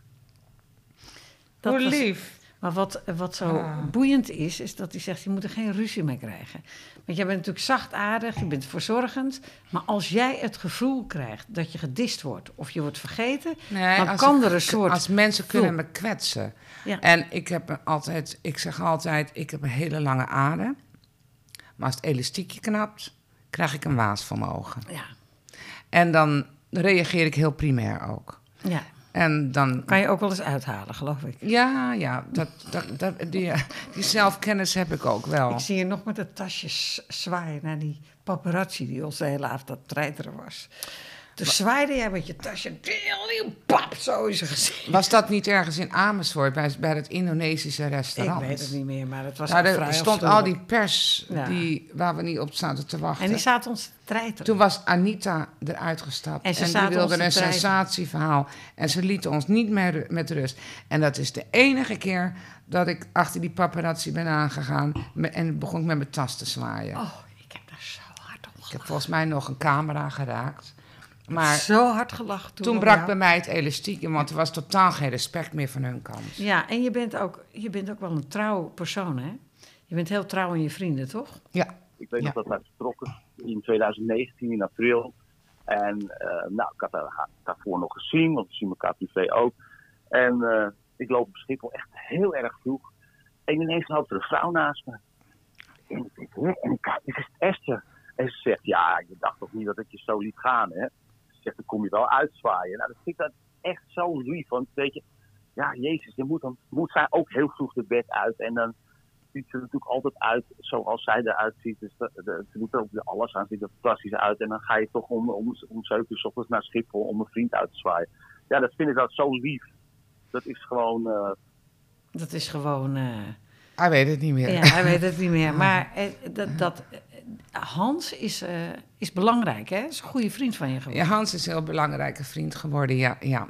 En het is ook ge- langzaam gegroeid. Hè? Je, je werkt vaak met mensen heel close. En eh, dus zeker de laatste jaren is dat gegroeid. En eh, het, is, het, het voelt ook als een broer voor me, weet je. Weet je, mijn instelling is, ik leef in spare time. Ja. En daar geniet ik van. En, we en het is een zegening dat we gezond blijven. Ja, nou en ja. dat vind ik het allerbelangrijkste. Nou, maar dat komt natuurlijk door wat je meegemaakt hebt. Ik gooi nog even je zus erin. had het niet alleen betrekking, hè, de, de trauma op haar lichaam, maar eigenlijk op de, de hele manier van leven. Eh, want wat ze merkte is eh, ja, dat er eigenlijk vrienden waren die, die er op dat moment niet zo voor haar waren. Hè. Dat was Mhm. heel confronterend. Mhm. Eh, dus haar eh, kringetje werd ook kleiner, maar dat heeft ook voordelen natuurlijk, dat je weet wie je echte vrienden zijn. Hè. Mhm. Ja, ja, zij raakte heel veel vaste klanten kwijt. En eh, moest zich daarna, hè, toen ze weer verbeterde, moest ze weer knokken om een klantenkring op te bouwen. Dus het- die hersenbloeding had effect op haar lichaam, eh, op haar sociale leven, eh, maar ook op haar werk heel Ja. erg. Ja, en dus raakte- ook op de financiële kant. Ja, ze Ja. was, ze was eh, vrijwel failliet. Dit ging natuurlijk over de Hmm. nasleep. Eh, je Ja, dat was een dieptepunt van mijn leven hoor. Ja, was, de hersenbloeding was in 2006? Nee, 2005. 2005. Ja. En ehm, door, de oog, door het oog van de naald. ja, door de oog van de naald. eh. en zeker het besef dat je daar krijgt te horen dat eh 75% redt het ziekenhuis niet. En wat het ziekenhuis wel redt, dan 75% redt ook de operatie niet. Dus ik vind eigenlijk, ik heb echt een engeltje boven me. eh, en de- ik ben uiteindelijk ook twee keer geopereerd. Hè, een paar jaar later nog Mm. een keer. Ja. En dus ehm, Maar je had dus een aneurysma ja, in op je mijn, hoofd. op mijn hoofdslagader. En je voelde onmiddellijk dat het mis was en je hield je hoofd vast. Ja. Dat heeft je misschien wel gered. Dat heeft me gered. En, want als ik was gaan liggen, ja, dan had het er anders uitgezien. Er komt er natuurlijk schade Ja. bij. Of verlamming, of comatisch. Wat ehm, gebeurt er met je als je dan... Ik heb jou natuurlijk meegemaakt eh, toen je nog op de medium care lag. mhm. Ehm, wat, toen, je, toen je wakker werd en dit gebeurd werd, toen, toen je je ging realiseren wat er gebeurd was. Wat- Nou, kan jij me meenemen naar die periode? Ja, dat kan ik wel. Het gek is dat een heleboel eh, is eigenlijk in een twilight zone terechtgekomen in je hoofd. Omdat je natuurlijk ook zwaar aan de morfine zit. Maar het gekke is dat je ook heel bewust bent. Ik werd wakker en dacht, ik ben er nog. Want voor de operatie hebben ze ook, daar zijn ze ook heel realistisch in... dat ik misschien niet meer wakker zou worden. Omdat ze niet wisten hoe erg de bloeding wat ze zouden aantreffen of ik dat zou redden. Maar ja, je bent al in zo'n sluimertoestand dat je denkt, het zal wel. Hè? Eh, en ehm, dus je wordt wakker. Ja, ik, ik heb echt in zo'n twilight zone gezeten, want ik was in, in mijn hoofd. Vertel dat verhaal even hoe je wakker werd en dat je dacht dat je op eh, Graceland was. Ja, d- ja, nou, ik liep dus over die stenen in een, in een hele serene stilte. Alleen het zuizen van de wind hoorde je. En dan kwam, ik ineens in een, in een, oh, oh, zeg maar een, een, een plaats, zeg maar een, een binnenplaats. En daar zag ik ineens Priscilla Presley staan in een wit leerpak met een rode streep. Of andersom aan de zijkant, hou, hou het me te goede. En die wees naar me en alleen maar... Ja, terwijl ik niks met Priscilla Presley heb en die Elvis Presley. Maar ja, het was Graceland. En ze wees naar me, naar me toe. Ze zei, hey, hey, met het vingertje, je hebt hier nog niks te zoeken. Terug jij. En toen liep ik ook heel gehoorzaam weer in die, in die wind. In die, en, die, en die zuizende wind en die serene stilte tussen die wapperende witte valen. En toen werd ik wakker. En ik zal nooit vergeten, die verpleegster kwam naar me toe. Ze zei, en hoe gaat het met je, Esther? Je bent wakker. Ik zeg, oh, maar misschien door mijn stonigheid van die, van die dingen. Ik zeg, helemaal blij was. Ik zeg, ik ben in Graceland geweest. ik ben, ik ben op Graceland geweest. en die stond me echt aan te kijken van, ach, ja. Wat die medicijnen allemaal niet doen. Maar in ieder geval, ja, en toch heb ik zo'n, ja, medium gesproken. En die was daar helemaal van onder de indruk. Omdat je toch, als je in zo'n twilight zone vaak kleuren ziet. En het is wit of rood. En dat betekent dus, een van de twee is zeg maar het teken van leven. En de andere kleur is een herkansing. En die herkansing heb ik gekregen en die koester ik tot de dag van vandaag. Zo voel je het ook. Absoluut, iedere Ja. dag. Ja. En ehm, Want je was eigenlijk best snel weer op de been, Ja, maar- lichamelijk. ja, Maar lichamelijk. mentaal heeft nog heb ik eh, na anderhalf jaar toch wel een terugklap van gekregen. Nou, eerder al. Want ik wilde veel te snel... ehm, want ik was zo slecht. En ik kon niet eens tuinpad oplopen. En dan was ik al uitgeput. Maar hoe sterk een mens is, hoe snel je kan opknappen. Hè? En, maar ik heb nog twee jaar lang eh, last van paniekaanvallen gehad, hyperventilatie. Amp, nog niet één nacht doorgeslapen. Dus het was echt angst, omdat ik iets voelde in mijn hoofd wat nog niet goed was. Oh, nou, dat klopte. En uiteindelijk in 2011, zijn we wel zes jaar later, bleek dat ik eigenlijk op de valreep op tijd was, dat ik geen drie maanden meer had. Uiteindelijk, ik ben dus, heb een second opinion laten doen door de Royal Doctors Organization. Dat moeten de mensen goed onthouden, want dat is een speciale organisatie die dus gespecialiseerd zijn in second opinions op elk gebied. Dus ik denk, nou, als zij het niet weten, weet niemand het. Dus ik ben met mijn zusje daar naartoe gegaan. Want ik werd dus geweest van, ja, hier in het VUS zeiden ze, ja, je hebt een lekkage in je hoofd. En ehm, ja, eh, maar daar kun je oud mee worden. Maar ja, je voelt automatisch iets in mijn hoofd. Dat had ik dus constant. Dat het niet, daarom zeg ik altijd tegen mensen, luister naar je lichaam. Dat het niet oké was. En toen zei iemand tegen mij ehm, van Total Body Scan in Duitsland... dat hoef je niet te accepteren, want er is dus een speciale organisatie daarvoor. Hij zei, ik bel de directeur wel voor je als je dat wil. Dus meteen binnen één week kon ik daar terecht. Nou, ik had, moest er eigenlijk blijven. Hebben ze een kijkoperatie gedaan. Toen zagen ze dat het zwaar mis was. Dat naast die lekkage nog een tweede aneurysma daardoor was ontstaan. En die stond op springen. En daar hebben ze me gewoon mee laten lopen. Dat hebben ze op die foto's gezien. Maar dan wachten ze liever dat hij springt... dan dat ze het risico moeten doen met een pre... Ja, omdat dat ook zo gevaarlijk is. Ja, Ja. Tuurlijk, het lag heel tussen twee slagaders. Dan gaan ze dat liever niet doen. Alleen ze zijn er niet eerlijk over geweest. Ze hebben mij niet de keus gelaten. Want dan Maar wacht... nu hebben ze in België hebben ze onmiddellijk gere- Brussel, ja, dat komt pas na drie weken. Want omdat ze dus via mijn slagader in mijn lies... dat moest eerst hele, die kijkoperatie hadden gedaan. Dus drie weken was cruciaal. En daarna voelde, na die operatie, daar voelde het meteen zo anders. En toen was het oké. Ze hebben ook een stent in mijn hoofd geplaatst. Nou ja, daar kan ik oud mee worden. Maar ik werd dus nog regelmatig na die operatie gecontroleerd. Maar dan moest ik hier een scan maken in, eh, in het AMC. Maar die gaven die scan niet mee. En die had dokter Boulanger, die eh, neurochirurg, had dat nodig voor de controle. Nou, ik weet niet waarom ze zo was. Dat is dan toch misschien een beetje kinderzinnig dat ik me in Brussel heb laten opereren. Ik kreeg die scan niet mee. En dus ik ging weg en het, het zat me niet lekker. Ben ik de volgende dag naar het ziekenhuis gaan, bij de receptie van, waar is het archief? Ja, dat is in de kelder. Dus ik ben meteen doorgelopen naar de kelder. Nou, dat is een wereld op zich, vind ik, dat archief. Dat is zo groot daar. Ik denk, nou, het zal vast op alfabet liggen hier. Maar ja, zoeken, zoeken. Toen kwam ik een man in een stofjas tegen en die herkende mij. Hij zegt, hé hey Es, hoe is het met je? Jij bent toch zo ziek geweest, hoe gaat het? Ik zeg, nou, dat is afhankelijk wat ik hier kom halen. Hij zegt, ja, maar je mag hier helemaal niet zijn. Hij zegt, nou, ga zitten. Dan ga ik, eh, ik zal zijn naam niet noemen, eh, maak ik stiekem een kopietje voor je. Maar je zal het niet doen. Ja. Je hebt ieder mens in Nederland, en ik zeg het dames en heren, recht op je eigen dossier. ja. Als we nu verder kijken. Jij bent 61, ik ben 61. Aha. Je bent het toonbeeld van, van gezondheid. Ja, Je zorgt heel goed voor je. je Ja. Dus je bent er gewoon heel goed uitgekomen. en ik koester mijn gezondheid. hè. Ja. En eh, het is niet zomaar wat. Ja, dan weet je eigenlijk, als je zoiets hebt meegemaakt, hoe belangrijk het is om goed voor jezelf te zorgen. Maar dat deed je al. Dat deed ik Dat al, maar dat is ook mijn redding geweest. Ja.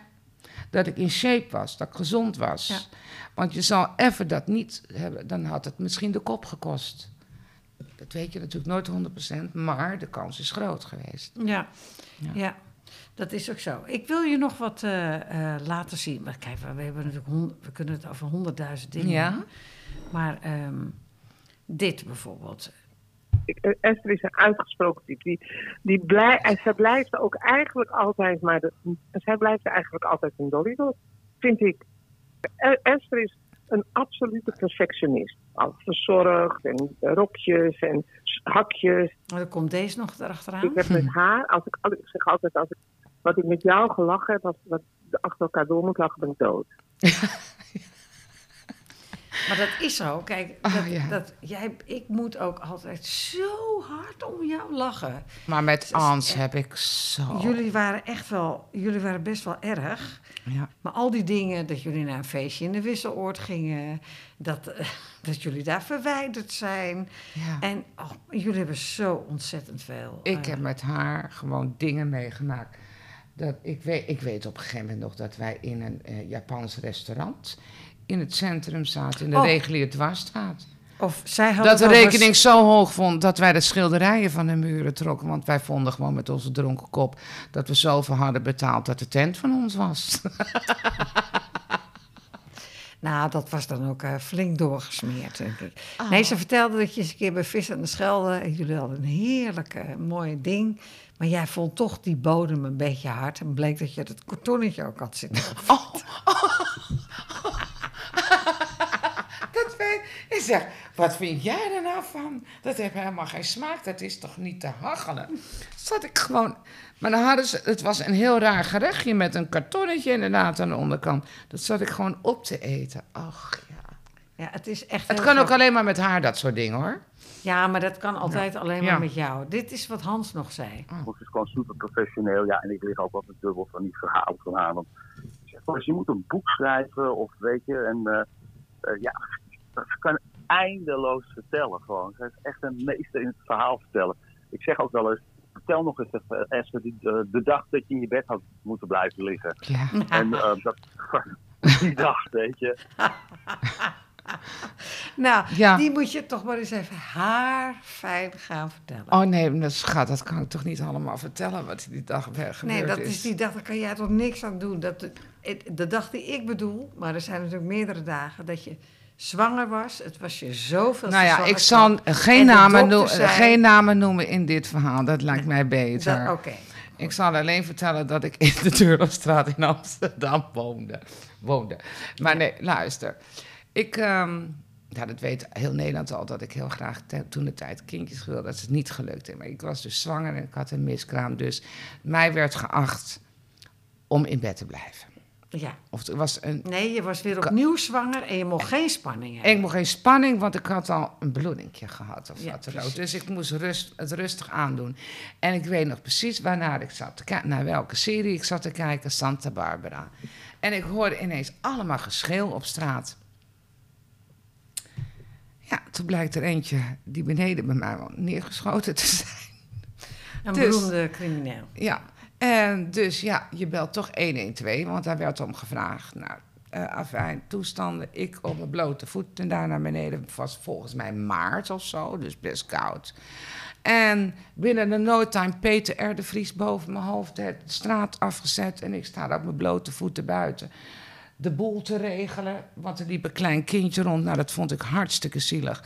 Nou ja, dus toen kwam Dikkie, onze geluidsman, het is mijn buurman. S, S, wat is er aan de? En die zag alleen maar het stress over mij. Meekomen jij. Nou ja, die wilde me dus een kopje thee geven, maar ik denk, ik moet geen thee. Dus ik ben terug naar mijn huis gegaan. Zeg, Dick, mazzel, ik ga naar mijn huis. Wilden ze met de recherche die daar beneden buiten bezig was, mocht ik mijn huis niet, maar ik ben dat toch gaan doen. En toen heb ik gewoon een paar slokken whisky genomen. Ik moet rustig worden. En, ehm afijn, ik zat thuis en eh, mijn ex kon niet naar huis, want de straat was afgesloten. En die besloot, weet je wat, eh, ik zie je vanmiddag wel. Ik ga mijn dingen doen en dan gaan we vanavond bij een grote vriend van hem eten. François, die had een restaurant geopend, Prinsengracht, en wij konden niet op de opening zijn. Dus ik denk, het een mooie gelegenheid, le- even lekker relaxen. Kan ik dit hele verhaal wel vertellen? Maar Ja, ook, dat moet je zeker doen. Oké, nou, afijn. Dus ehm, nou, toen dacht ik, toen had je in die tijd nog van die eurochecks die je kon verwisselen, weet Ja. je. Ik had geen cash, dus ik denk, ga rij even naar het grenswisselkantoor Op de op de Amstel, Amstel station. Oh, oké. En afijn, dus daar heb je zo'n glazen, ja, dat is zo'n glazen hok. En dat is een grenswisselkantoor. Dus ik sta daar keurig in de rij, krijg mijn geld, sta met mijn portemonnee in de handen. En ik sta met de deurknop van de deur, die glazen deur in mijn handen. En ik hoor ineens achter mij, handen omhoog, dit is een overval. Dat bedenk je toch niet, hè? Gewoon ehm, na zo'n dag. Maar je gaat ook heel snel denken. Ik weet niet hoe, wat hoe dat ritste door mijn hoofd, maar ik dacht van no way. Doe net of ik het niet gehoord heb. Ik kan hier gaan staan, dan zit ik de komende uren hier nog. Maar ik kan ook net doen of ik het niet gehoord heb. Dat gaat heel snel, ritst dat door je hoofd. Dus ik heb voor het eh, laatste gekozen. Dus ik deed heel... En toen had ik iets... Niet rennen, Esther, niet rennen, niet rennen, niet rennen. Niet omkijken, niet rennen. Dus ik heb die deur open gedaan. Ben heel in een slakkengang recht vooruit gekeken. Met het water over mijn rug. Want mijn auto stond ook nog dubbel geparkeerd voor de deur. Dan heb ik dat gezeik ook natuurlijk nog. En naar mijn auto ingaan en toen stond ik te shake achter het stuur. Ik denk, wat heb ik gedaan, wat heb ik gedaan? Ze hadden me wel misschien neer kunnen halen of wat dan ook. Maar meteen naar de vriendin, die woonde daar vlakbij om de hoek. Mira, daar ben ik naartoe gereden. En ik zit hier rustig eens, rustig eens. Ik kwam daar binnen helemaal over mijn zaak natuurlijk van die hele dag. En ik kom daar binnen en afijn, dus kopje thee, kopje thee. Ga lekker in de tuin zitten, het zonnetje schijnt nog. En dit hè, was echt zo'n mooie eh, maartmaand. Of wanneer het ook was, het zonnetje scheen. Dus ik buiten in de tuin. Nou, ik zat nog geen twee minuten en er valt iets op mijn hoofd, dat wil je niet weten. Valt er een kat van drie hoog naar beneden. Die is uitgegleden. Toen ben ik opgepakt, zeg Mira, laat die thee maar. Toen ben ik in mijn auto staan, ben ik naar huis gegaan. Je denkt, ik ben er klaar mee met deze dag. Ja. Thuis omgekleed. Ik denk, moet ik nog wel weg? Is het goden verzoeken? Ja, ja zeg maar we gaan wel. François kan niet laten zitten. We zijn ook al niet bij die opening geweest. Dus wij er naartoe. Met de taxi. Heerlijk gegeten. Is helemaal druk. Dat restaurant van François, die was net een eh, anderhalve maand open. En, eh, maar ja, die kwam maar niet om af te rekenen. En dus ik zeg, nou, loop naar hem toe. Dus we lopen met z'n tweeën naar hem toe. Nou, François viel voorover over ons heen. En eh François hartstikke dood. En wat je Eigenlijk... Hartstilstand. Jij eh, Dat kan je toch niet bedenken voor een Nee. boek, wat zo'n dag. Nee, maar je vergeet Maar ja. nog één ding. Want je, eh, Frans, jullie spraken hem heel kort. Die zegt van, nou, ik heb, een, ik heb zo'n maffe dag, want dit en dat, en dat en dat, en zus en zo. En dat hij zo hard moest lachen. En dat hij zo lach, hij, hij lachte tegen je aan. Ja, ik had veel nooit meer eigenlijk voorover, want hij had van het lachen. van Ben een beetje dat verhaal gehoord, maar echt En hij en- kwam nooit meer omhoog. Hij was dood. ah, hartstikke dood. Nou, toen ben ik in een taxi gestapt. Ik denk, los het maar op, want hij wilde zijn vrienden alleen naar. Ik denk, ga je geen uren. Ik ben klaar met deze dag. Het is heel dubbel bij jou. Ja. Want ehm, je jeugd was dus lekker op straat met al die, die kinderen. Ehm, je opgroeien was echt niet gemakkelijk. Je, ik had met Sil over dat jouw moeder had natuurlijk in het Jappenkamp als kind gezeten. Dus die was altijd bezig met eten. Mhm. Ik weet nog wel dat ze naar buiten rende en dat Betty zei snel de ramen dicht. En dat ze nog net een saté-sokje met een als je niet at thuis. Ja, dus daarom, daar, daar komt het ook vandaan dat ik altijd aan bezig ben met de lijn. Als ik overal aan toe gaf wat mijn moeder me voorschoot. Bij, bij ons was het soep vanaf geschenken toe. Alle, de, het was gewoon een drie, Maar vier ze- gangen. Ze duwde, weet je, weet je nog dat ze die saté-stokjes Ja. door dat dichtgaande Iedereen raam- moest eten. En, en we hadden allemaal satésaus aan de binnenkant van Ja. de raam. Maar we hebben we daar wel enorm om gelachen. Ja. Maar het was niet makkelijk voor jou. Nee, Daar hoeven we niet op in te gaan verder. Nee. Maar het was geen gemakkelijke jeugd. En toen kwam je in die gekke Dolly Dots terecht. Mhm. Toen eh, d- heb je je hele leven opgepakt. En jij bent natuurlijk zo'n zorgzaam. Ik dacht altijd, jij krijgt vijf kinderen. Jij krijgt vijf kinderen. Dat hebben ze altijd gedacht. Esther, die, die trouwt als eerste. Die Ja, krijgt met een rijke vent. Een, een, hele, een, een hele reeks kinderen. Nou ja, kinderen heb ik altijd graag gewild. Dat is me helaas niet gegund. Maar ik eh, wil met jou daar even over praten. Ook gewoon Mhm. omdat ehm, dit echt wel iets is wat ehm, toch wel heel veel vrouwen meemaken. En ehm, jij hebt zeven miskramen gehad. Ja. Ja. Zeven miskramen. De laatste heb je gekregen, toen was je al dik vijf maanden zwanger. Vijf en een half. Ja. Ja. Je was al echt zwanger. Je zag er heel zwanger uit. Ik weet nog wel dat Ja, je moet een bevalling doen. En dat vind ik wel een tekortkoming in Nou, maar eerst nog eventjes Oh. toen je nog zwanger was. Mhm. Je was zwanger, je was zo ontzettend zwanger. Ik had volgens mij net Nona. Dus ik zat ook nog in de baby's. En we waren zo ontzettend aan het voorpretten over het feit dat jij een kind zou krijgen. Ach, en wat keek ik er naar uit. Ja. En dat was de zevende keer al. En toen Mm. ging dat ook mis. En dat Mm. was best volgens mij een trauma voor jou. Ja, dat is een trauma wat jaren in mijn hoofd heeft gespeeld. En eh, ik ben blij dat ik dat een plekje heb kunnen geven. En ehm, nee, em, het, het klinkt heel gek. Maar de eerste teleurstelling eh, was de zwaarste. Daarna denk je van, god, waarom ik? En waarom overkomt me dit? Kan dit dus? Ja dus. En vanuit niks is is, klopt het hartje niet ineens niet meer. En daar had ik het heel zwaar mee. En zeker omdat je dan ook nog voor iets, van iets moet bevallen... waar je aan je lot voor eh, wordt overgelaten. Dat moet je gewoon thuis doen. Want jij was thuis alleen. Thuis. Ik, wa- ik kwam van een tv met jou en volgens mij was dat de televisiering. En na afloop, toen kwam dat los bij me. Toen ben ik heel snel naar huis gegaan. Ja, en dan zit je daar nachtenlang zit je te wachten totdat eh, loskomt en eruit komt. Het is, het is toch geen pretje. En dan word je toch in zekere zin, je leest alles over het krijgen van een kindje. En het- toen de tijd las je niks over informatie over het krijgen van een Nee, en doodgeboren kindje. Wat je en thuis eigenlijk moet is dat een bevalling. Die Het is alleen, een bevalling die je alleen moet doen. Ja. Voor vijf en een half maand. Want ze zeggen, het moet op een natuurlijke manier eruit. Hoe, Dit en hoe, dat. hoe kijk je daarop terug, Es? Want je hebt het me toen verteld. En het nou, was echt een ik kijk nachtmerrie. erop terug. Ik heb toen ben ik echt van de leg geweest als ik terugkijk. Hè. Ook zeven jaar gewoon eh zwangerschapshormonen, met zwangerschapshormonen in mijn lijf geleefd. Want voordat je het weet zit je aan je zevende. Hmm. Want er wordt gezegd, ga, eh, zo snel mogelijk weer zwanger worden, want er is niks mis. Dit, ik heb uiteindelijk alle onderzoeken ehm, ondergaan. Wat ook testen en dergelijke. Nou ja, uiteindelijk vinden ze niks en val je onder de categorie pech. En dat is heel hard. Hmm. En denk, ja, moet ik het nou weer proberen? En toen op een gegeven moment heb ik er een stop achter gezet. Ik denk, nee, het leven heeft meer inhoud dan het krijgen van een Ja, kind. En je relatie was niet goed. Dat Ehm, hielp ook niet. Nee, dat hielp ook Ja, niet. ja. Ik denk, je was, ik was alleen maar gefixeerd, gefixeerd om dat in te vullen in mijn leven. Dus ja, dan gaan de dingen fout om je heen. En ehm, eh, eerlijk gezegd, hoe het tussen hem en mij zat, dat is niet meer belangrijk. Maar voor hem was het, voor een man is het ook niet makkelijk. Nee. Want in feite, bij mij kwam het lichamelijke erbij, maar in feite ben je samen zwanger, hè?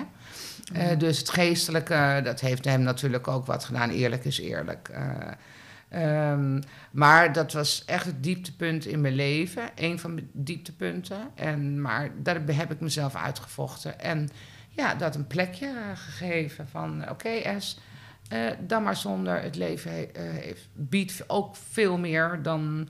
Dus nou, uiteindelijk ga je de voordelen zien van geen kind hebben. Hmm. Maar ik blijf tot de dag van vandaag wel jammer. Ik had graag een kopietje van mezelf in de rond hebben zien lopen. Ja, dit zei eh, Dan had ik nog een Barbiepopje gehad waarmee ik kon spelen. Ja, ja precies. dit, is, dit is wat je zuster eh, erover Oké. zei. Ja, dat was heel erg moeilijk voor haar. Ja. En eh daar was ook ehm, best wel gesloten over. Ik merkte het ook wel dat, ik, dat wij Paulo kregen en dat ik zei: Ja, maar hij is ook een beetje van jou. Eh, dat het toch moeilijk voor haar was. Mhm. En in het begin eh, had ze volgens mij, dat hoorde ik jaren later, ook wel moeite met verjaardagen. Hè? En Mhm. zij is ook wel echt een, een gezinsmens hoor. Mhm. Zij houdt wel van huisje, boompje, beestje. En dat had ik haar ook graag gegund, hè, met, met, een, eh, met, met een leuke vent. In die periode was het ook moeilijk om bij er te komen, vond ik hoor. Omdat, nou ja, dat is ook wel een beetje een Oostbeek-trekje. Dat moet je allemaal maar in je eentje dan verteren. Hmm. Ehm, dus ehm, ja, dat, ik denk dat het nog steeds wel een stuk, stukje pijn van haar is. Ja, daar heeft ze een beetje gelijk in. Want ik kan me nog... En dat vond ik eigenlijk aan de ene kant heel oneerlijk van mezelf. Want mijn zusje gun ik de hemel, weet je. En ze kreeg Paulo. En ehm, uiteindelijk is het mijn oogappeltje hoor, Mm. geworden. Maar ik weet nog dat op een gegeven moment, na anderhalf, twee jaar was het zo. En eh, ik ging alles mijden. Hè? Met excuus, ik heb druk, ik heb druk. Verjaardagen ook van die kleine. Ik weet nog dat ik hem in mijn armen had en ik moest echt mijn, mezelf onder druk om niet te huilen, weet je. En dus dat was best wel een emotionele... Toen, terwijl ik zo blij was voor haar. En op een gegeven moment belde ze mij op en zei ze... S, je hebt een neefje en die heeft ook heel erg behoefte aan zijn tante. En toen ging er bij mij iets van... S, kappen nu. Ze heeft helemaal gelijk. Laat ik gewoon daar naartoe gaan en het zo zien. En ehm, ja, het is een heel bijzonder manneke. Die nu al een jaar of 25 is. Mm. Maar ik zie het nog steeds als kleine Paulootje. Ik hou zielsveel van hem. Ja. Heeft hij een autistisch spectrum, toch? Ja, Ja. ja. Hij is wel heel En bijzonder. dat maakt hem ook heel bijzonder. Ja. En ehm, ja, hij, hij is zo leuk. Ik, ik hou van hem. Als ik kom, omhelst hij me. Ik ben echt zijn tante voor Hmm. hem, weet je. Ja, ik... eh, Nou, Adelheid Roosters zei ooit tegen mij... tantes zijn net zo belangrijk. En daar ben ik het helemaal mee eens. ja, Ik, absoluut. ik wil nog één keer even terug met jou. eh, omdat en Angelique en Hans... en ook je zuster, ik heb het je net laten horen... eh, liet weten, die moeilijke tijd... ehm, na, eigenlijk na je hersenbloeding. Want een paar trouwe vrienden... die konden er helemaal niet mee omgaan. Nou, er waren er wel meer. Eén ding was heel belangrijk, zonder dat ze het misschien zelf beseften. Is dat ik met Karin Bloemen zat op een gegeven moment. Was ik aan het werken en toen zegt ze tegen mij: S, wat zal jij zelf een rijk mens voelen? En het drong niet meteen tot me door wat ze daarmee bedoelde. En daar ben ik over nagedacht. Ze bedoelde dus echt van dat dat een periode is wanneer je je echte vrienden leert kennen. En welke mooie mensen je erbij krijgt. Die ontdekt. En zo heb ik een hele goede vriendin, Nettie van der Veer, eh, beter leren kennen. Die kende ik oppervlakkig van feestjes. En dat werd een soort tweede moeder van me. Die zocht me op in het ziekenhuis. Die had maling aan bezoeksregeling. Die kwam me een geluksketting brengen. En ineens ontdek je eigenlijk hoe, wat er uit mensen komt in zo'n situatie. En uiteindelijk is dat een van mijn beste vriendinnen geworden. Echt Mm. gewoon, die was er voor mij in mijn dieptepunt van mijn leven ook weer. Dat, eh, met, met mijn faillissement, na mijn hersenbloeding en alles. Ehm, dat ik van mijn ex afging, dat ik alles kwijt ben geraakt en weer van helemaal van nul moest beginnen. eh, was ze er voor me als een soort moederkoek. Hmm. En tot de dag van vandaag koester ik er nog daarin, absoluut. Nou ja, en je bent toch wel eh vergevingsgezind. Want Hoort ook Je- bij het leven. ja, weet je, je, je was ook eh, de vrienden die je even kwijtraakte. Die, Waarvan ik zeg, ja, die konden er gewoon niet mee omgaan. Het was zo'n schrik. Dat is namelijk iets in zo'n situatie ontdekt dat mensen het eigenlijk moeilijk hebben hoe ze ermee om, hoe ze je moeten benaderen. Weet je wat het allerergste is in zo'n situatie? Dat ze je niet durven te bellen. Dat ze niks laten horen. En dat is angst. Mhm. Niet weten hoe ze ermee om moet gaan. Ik denk van, ziet iedereen nou... eh, het kwam over bij mij alsof ik kwijnend in een rolstoel zat. Dat ik niets meer kon. Dat ze het niet aandurfden met me. Want dat is ook letterlijk tegen me gezegd. Maar je kan ook denken van, ja, moet je het ze kwalijk nemen? Ik weet het niet. Het is, on, on- weet je, van mensen waar je het niet van verwacht. Die reageren zo en denken van, nou, ik had je toch intelligenter ingeschat. Maar ehm, nee, dat komt er dan heel eh, primair uit. Ja, en dat is de rijkdom waar eh, Karin het over En had. dat is dan wat, wat ze bedoelt. Dan ga je jezelf ontdekken en de mensen om je heen. En ja, tuurlijk, ik heb echt zitten schiften. Je gaat anders denken. Eh, ik werd moe van mensen die over een klein dingetje stonden te klagen. Want dan heb je de eerste eh, paar jaar heb ik daar echt last van gehad. Hè. Ik denk, zit niet te zeiken. Je weet niet waar je het over hebt. Maar dat is ook niet helemaal eerlijk. Want iedereen zijn leed is zijn eigen leed. Hmm. Dus, maar dat ga je automatisch wel hebben na zo'n tijd. En natuurlijk slijt dat weer, weet je. Want je houdt toch inderdaad bij jezelf van ieder zijn leed is zijn eigen leed. Niet oordelen daarover. Maar ehm, ik, ik, ik, ik, in dat opzicht heeft Karin gelijk. Ik heb mezelf een heel rijk mens, mens gevoeld. Dat ik gewoon ook tegen mensen nee kon zeggen. Ik hoef je niet meer te zien. Je brengt me niks. Ik hoef niks. Vind ik prima zo. Hmm. En ehm, Sommige mensen zuigen je helemaal leeg en die hou je dan aan omdat je denkt dat dat fatsoenlijk is. Weet je, allemaal dat soort dingen. Daar heb ik geen energie meer voor. En ik v- vind het heerlijk om gewoon nee te kunnen zeggen. Ja. En, eh, Ik heb geen nieuwe vrienden meer nodig, ik heb er genoeg. Nee, maar een paar oude vrienden die even lieten vallen zijn wel weer terug. Zijn ook weer terug. En- En, kijk, die hebben ook hun verhaal, weet je. Eh, mensen die kwijt was daar heb, en die weer terug zijn in mijn leven, daar heb ik ook uitvoerig mee gesproken. En we snappen elkaar, vergeven elkaar. En, eh, En door.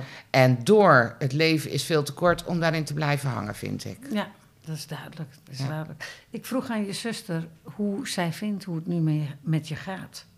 Nou, eh, het gaat volgens mij heel erg goed, want ik gun haar wel een lover. Oh ja. Eh, ja, ik zou Ik zo ook. graag zien dat zij gewoon een maatje heeft. Ehm, maar weet je, enerzijds is Esther outgoing, extrovert. Eh, en het zou veronderstellen dat ze zo'n type dus ook zoekt. Hè? Maar Mhm. eigenlijk zoekt ze gewoon iemand met wie ze gewoon ook gezellig op de bank eh, tv kan gaan zitten kijken. Mhm. Een gewone dagelijkse ding kan doen. En die heeft ze nog niet gevonden. Nee, Nee. nee. Maar ik ehm Want snap, ik dat, ik dacht snap altijd... dat zij dat zegt, want zij kent mij heel goed. Ik dacht altijd dat jij zou eindigen ergens op een jacht in Saint-Tropez. Ja, zo zien jullie mij. Ja, hè? ja, ik dacht, ja, ja, er is natuurlijk een, een of andere rijke, leuke man die denkt, maar dat is een leuk wijf, Ja, daar kan ik mee lachen. Dat zou Ik- een leuke was- bijkomstigheid zijn, maar dat is niet de eerste insteek wat ik in een man zoek. En komt, kruist hier niet mijn pad, daar heb ik me al bij neergelegd, weet je. Ik vermaak me toch altijd wel. Alleen, ik zou het wel een verrijking vinden eh, om zo iemand om me heen te hebben.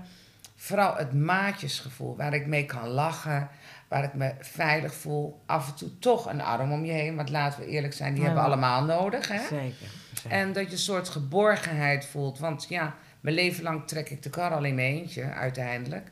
En ehm, het is ook wel eens fijn om dan iemand naast je te hebben. Kijk, die kar trekken zal ik altijd blijven trekken. Want uiteindelijk ben ik daardoor een hele zelfstandige vrouw geworden. Die door eh, diepe dalen gaat. Net als wat Hans Klok altijd zei. Es, je hebt pieken mee, je hebt dalen meegemaakt, dieptepunten. Maar je bent ook, gaat ook constant over die edge. Mhm. Weet je, de pieken, die heb ik ook allemaal meege- eh, meegekregen. En misschien zoek ik dat ook wel in mijn leven, om dat, eh, om dat weer te voelen, wat de pieken zijn, door de, om door die dalen eerst te komen. Mhm. En misschien zit ik wel zo in elkaar. Maar het leukste zou ik het vinden, echt gewoon een maatje naast me, waar ik eh, me veilig voel. Kijk, een huwelijk zit er toch niet meer in voor mij. Dat weet je niet. Dat briefje heb ik nooit. Het gekke is. Ja. Nee, vroeger niet. Op een gegeven moment ging ik het wel belangrijk. Ik denk, het lijkt me toch wel leuk om een keertje te trouwen. Zeker om dan is dat gevoel te hebben dat iemand voor je kiest voor de rest van je leven. dat, misschien is dat heel lullig, dat heb ik pas op latere leeftijd ineens. Dat ik denk van, god, dat zou toch ook wel leuk zijn. Aan de andere kant denk ik lekker belangrijk, zo'n papiertje, weet je. Het gaat er toch uiteindelijk om. Wat je, met, wat je elkaar zoekt en waar je aan elkaar gewoon lekker aanvult. Dat je je veilig voelt met elkaar. En het vooral heel leuk hebt met elkaar. Nou, het enige wat ik nog van jou wil horen is het verhaal over de postbode die bij jullie binnenkwam. Toen de Dolly Dots te zien waren bij ehm Top Op met radio. Oh, die post, was het de postbode? Of iemand of een iemand dat ik met dat t-shirt nummer 66. Ja. Oh, ja, nee, toen woonde ik nog bij mijn ouders thuis. En dan hadden we dat nummer radio. En dan hadden wij eigenlijk een beetje van die baseball shirts aan. Hè? Een beetje eh, dat stoere met een kort broekje en zo. En ik had een t-shirt met twee nummers erop. Nummer 66 was ik. Dus ik werd ook genoemd, daar heb je nummer 66. En we waren natuurlijk niet bescheiden uitgedost qua borstomvang. Nee. Dus ja, dat ging nog wel eens met onze dansjes alle kanten op. Dus ik stond daar met dat nummer radio. En Op de tv. dus die man komt binnen met een pakket of wat Bij dan ook. jullie thuis, Bij, hè? bij mij thuis, bij mijn vader zegt, zegt, zegt hij... Oh, krijg nou, want daar heb je dat wijfie, nummer 66... en met die handen zo van... eh, eh, zo naar die borsten. Toen zegt mijn vader heel droog... Nou, daar zit ze. Dus die man, die kijkt toch een keer, die kijkt naar mij, die kijkt naar die televisie, die kijkt naar mij. Die kijkt- en die krijgt ineens zo'n rood hoofd. Die denkt, oh, wat heb ik gezegd? Ja, ik was nummer 66. Maar die man, die, die droop af. Die, was scha die schaamde zich helemaal dood. Mijn vader lag natuurlijk. Ik heb denk de humor van mijn vader, die lag gestrekt. Die houdt daarvan. Ja, was erg grappig. Nummer 66 was ik. Maar sowieso werden wij altijd aangesproken. Er werd over ons gesproken alsof we er niet bij waren. Heb jij dat ook? Ja, maar dat hebben mensen nog steeds, hè? Ja. Als je bij, weet je, ik weet nog dat ik op een gegeven moment, toen woonde ik al, waren we al klaar met de dots. Stond ik bij de slager, bij de hergo. En toen staat er zo'n kind te- tegen de moeder van... Hé, hey, dat is zij van die Dolly Dots. Nou, ze, en, en ze, ik sta ernaast, hè. Dan hebben ze het gewoon over mij alsof ik gewoon twee oren heb. Nou, eh, en toen stond ik dus wel zonder make-up bij de slagers, morgens vroeg, hè. En dan krijg je het volgende. Nou, in het echt ziet dat er dan anders ook heel anders uit, zeg. Op tv is dat toch wel een ander verhaal. Ja, nou heb ik daar maling aan natuurlijk. Want die make-up gaat er bij mij niet op, omdat ik mezelf niet wil laten zien. Alhoewel in het begin wel. Daarom zag ik make-up altijd als een soort Masker. masker Ja. om je achter te verschuilen. Ja. Ja. Als je Dat ziet vond ik heerlijk. Maar wij hadden veel make-up op. ja, maar dat waren de jaren tachtig. Dat waren schilderwerken. Dat, dat zie je ook bij al die clips en zo. Iedereen. Mannen ook. Die waren, zaten ook zwaar in de make-up. Ja, Dat was een trend. ja, ja. ja. Ja. Nou, nu zo min mogelijk. hey, wat, eh, welk eh, nummer vind je het leukst van de Dolly? Ja, nou weet je wat aan mijn hart... eh, ja, toch Love Me Just a Little Bit More. En She's a Liar. Want daar hebben we eigenlijk met dat nummer altijd het meeste lol gehad. Ja, wat was dat toch een Ja. fantastisch nummer om, eh, om te doen. Laten we daarmee eindigen. Ja. Ja, Nou, dankjewel eh S. Gezellig. je mij niet te bedanken. Het is van ons allemaal. Hebben we nou over alles gehad? Nee. She's a liar.